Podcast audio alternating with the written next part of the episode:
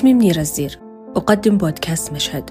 أصور لكم في مشاهد قصيرة تجاربي وتأملاتي داخل الحياة وخارج النص. لست عادي. مشهد نستانس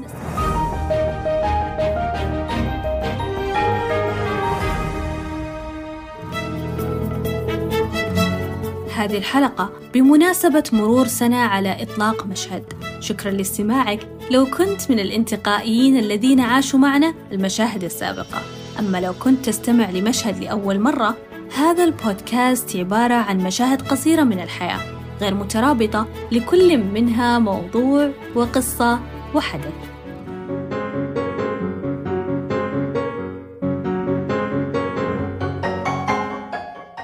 ماذا لو سألك أحدهم من أنت؟ ماذا تعمل وما هو غرضك أو رسالتك في هذه الحياة؟ ما هي هويتك؟ ما هي البرسونا التي تتحلى بها؟ وما هو قناعك الذي ترتديه؟ أكيد راح يدور في رأسك عدة أسئلة أولها مين أنا؟ فعليا أنا مين؟ ما هي هويتي الشخصية؟ هو ماي وقتها بس راح تتخيل شكلك وأنت تسرد أجوبة كلاسيكية مملة ما فيها أي عامل جذب يخلي الطرف الآخر يكمل استماع ممكن تقول أنا فلان انولدت في العائلة الفلانية ودرست التخصص الفلاني وتخرجت في السنة الفلانية وأشتغل في المكان الفلاني قصة كليشيه سيناريو 90% من الناس تتقنه. ممكن شوي بلغت بالنسبة لكن ما علينا. خلونا نركز على الجانب المهم. هالسؤال ممكن يوقف عند ناس كثير وما يعدي. ممكن يترك خلفه عشرات الأسئلة. والأكيد هذه اللحظة أو هذا السؤال قلب حياة الكثيرين رأسا على عقب مثل ما حدث معي.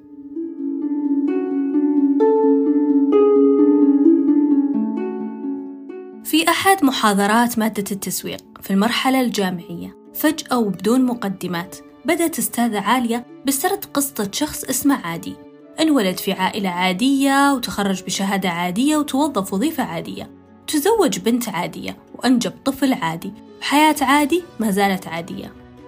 أتذكر أن هذه القصة التي لم تتجاوز دقيقتين في طولها أوقفت العالم للحظة وأخذتني إلى عالم عادي. من شاهد فيلم الأنيميشن كوكو عن طفل يحلم بأن يصبح موسيقار وتحوله إلى شخص خفي لا يراه إلا أسلافه العائدون إلى أرض الأحياء من أرض الأموات. سيفهم تماما هذه اللقطة وكيف كنت حاضرة في عالم خفي.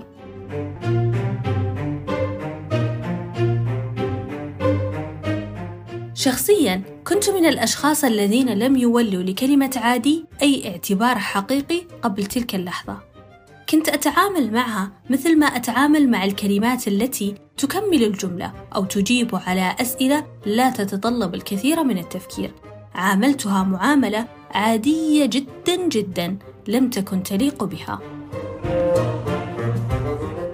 بعد قصة عادي بوقت طويل مرت الأيام ومرت الكثير من الأشياء العادية. حتى جاء اليوم اللي أصابتني فيه حالة من العجز. أتذكر المشهد وكأن أمامي الآن. وقفت عند المرآة يومها ودار بيني وبين نفسي حوار. قلت بالحرف الواحد أنا لا أريد أن أكون موظفة عادية ولا عاطلة عن العمل. درست إدارة الأعمال لأصبح امرأة غير عادية وكانت تلك المحادثة شرارة انطلاقتي. لأن قصة غير عادية عن عالم عادي. كشخص شغوف ومتيقظ راح تلهمك تبدأ رحلة اكتشاف الذات وتحاول تفهم من أنت وماذا تريد ما هو مجالك ومجتمعك وموقعك في هذا العالم. ما هي رسالتك وكيف تؤديها؟ وهل ترغب في حياة عادية أصلاً؟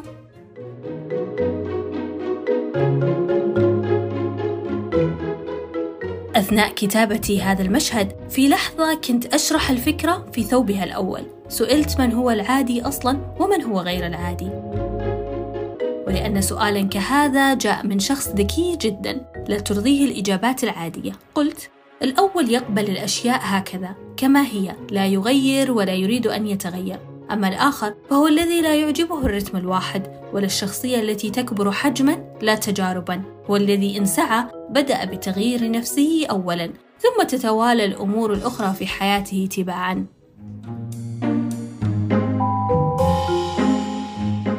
في أيام صيف الرياض الحارة كنت في اجتماع عمل لا أذكر كيف ومتى تحدد الاجتماع ولا لأي سبب. جلست مع الموظف المسؤول تحدثنا كثيرا عن العمل عن الكتابة وعن المستقبل. لا يحضرني شيئا مما قيل غير جملة وحيدة ختم بها. أنت كاتبة وهذه مهنة عظيمة ولا يحترفها شخص عادي. أذكر أني توقفت عندها ولم تستطع ذاكرتي أن تعبر فوقها في طريق العودة. ما المهن العظيمة التي تجعل منا شخصيات عظيمة في تاريخها؟ هل السر في الشخصية، في الأسلوب، في الموهبة أم المهنة؟ حاولت كثير أفهم العمق في العظمة والسر خلفها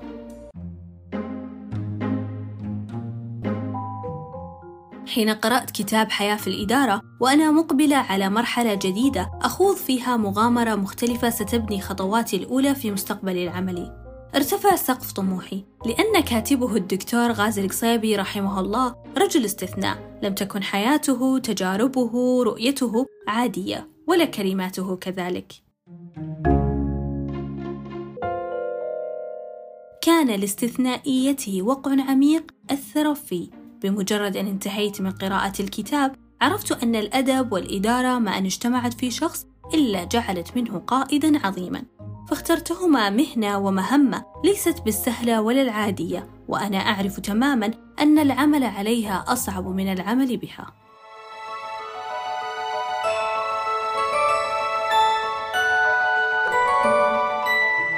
في هذا العالم في عالم الأعمال لا أحد يولد عارفا لا أحد يولد بشخصية عظيمة ولا أحد يخرج منها عاديا فكيف يحدث هذا؟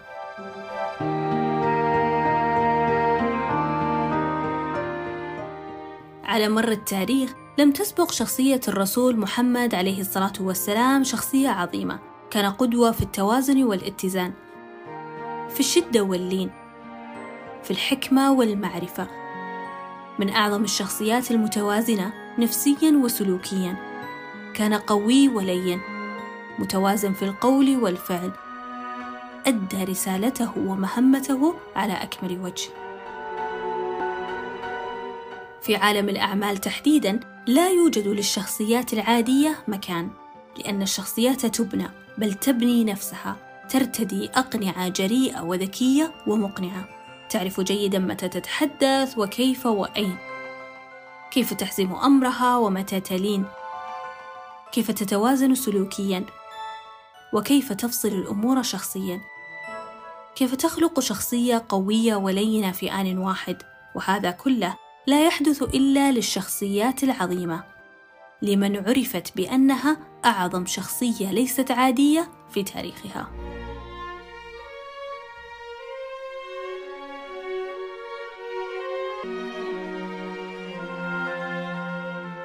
لكن العظمة لا تأتي مع الأيام، لا تقدمها لك ظروف العمل، بل تصنعها أنت كعلامة أو براند شخصي تنفق عليه وقتك وعلمك وجهدك وحياتك كلها، حتى تصبح ذلك العظيم غير العادي الذي تريد.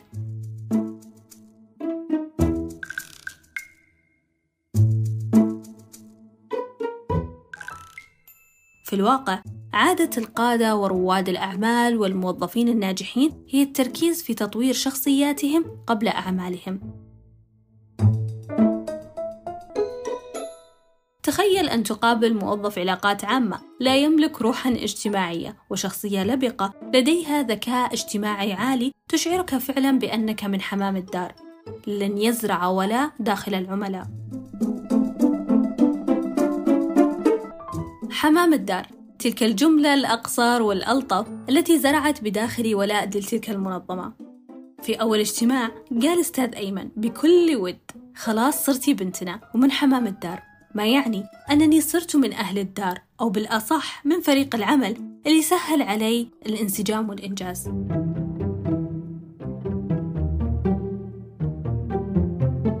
في عالم بعيد عن العادية القادة يحركهم تركيزهم على نقاط قوتهم وبدون شك وبيقين كامل هالتركيز يخلي هالأشخاص يرتدون قناع الثقة والتوازن والجرأة والخبرة والمعرفة والإبداع. من اللحظة التي قرروا فيها على ماذا يركزون منذ أن اتخذوا عهدا على أنفسهم بأن لا يخلع القناع مهما حدث لأن سنة العمل أن تلبس قناعا يبهر الآخرين بقوة تركيزه بصبره بهدوءه وذكائه في التخطيط والظهور.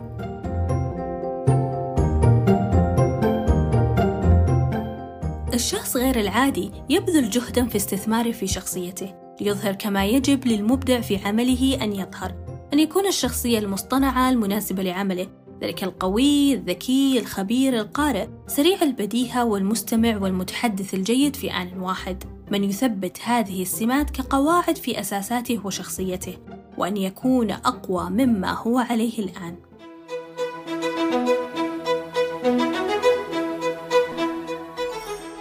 في مجال العمل تحديداً تحتاج إلى أن ترتدي قناعين وأن تكون بشخصيتين. كلاهما تنجح بنجاح الأخرى. قناع المخطط الاستراتيجي صاحب الهدف والرؤية البعيدة وقناع المبدع المنفذ لهذه الخطط. أما أنا منذ تلك اللحظة منذ أن وقفت أمام المرآة ارتديت القناع وبدأت رحلة التركيز والإلهام. لم تكن الرحلة قصيرة ولا سهلة ولا عادية ولم تنتهي بعد. وأنت يا صديقي قرر على ماذا تركز. ولا تخلع القناع في العمل مهما حدث. سنة العمل الاحترافية أن تلبس قناعا يبهر الآخرين بقوة تركيزه بصبره بهدوئه وذكائه في التخطيط.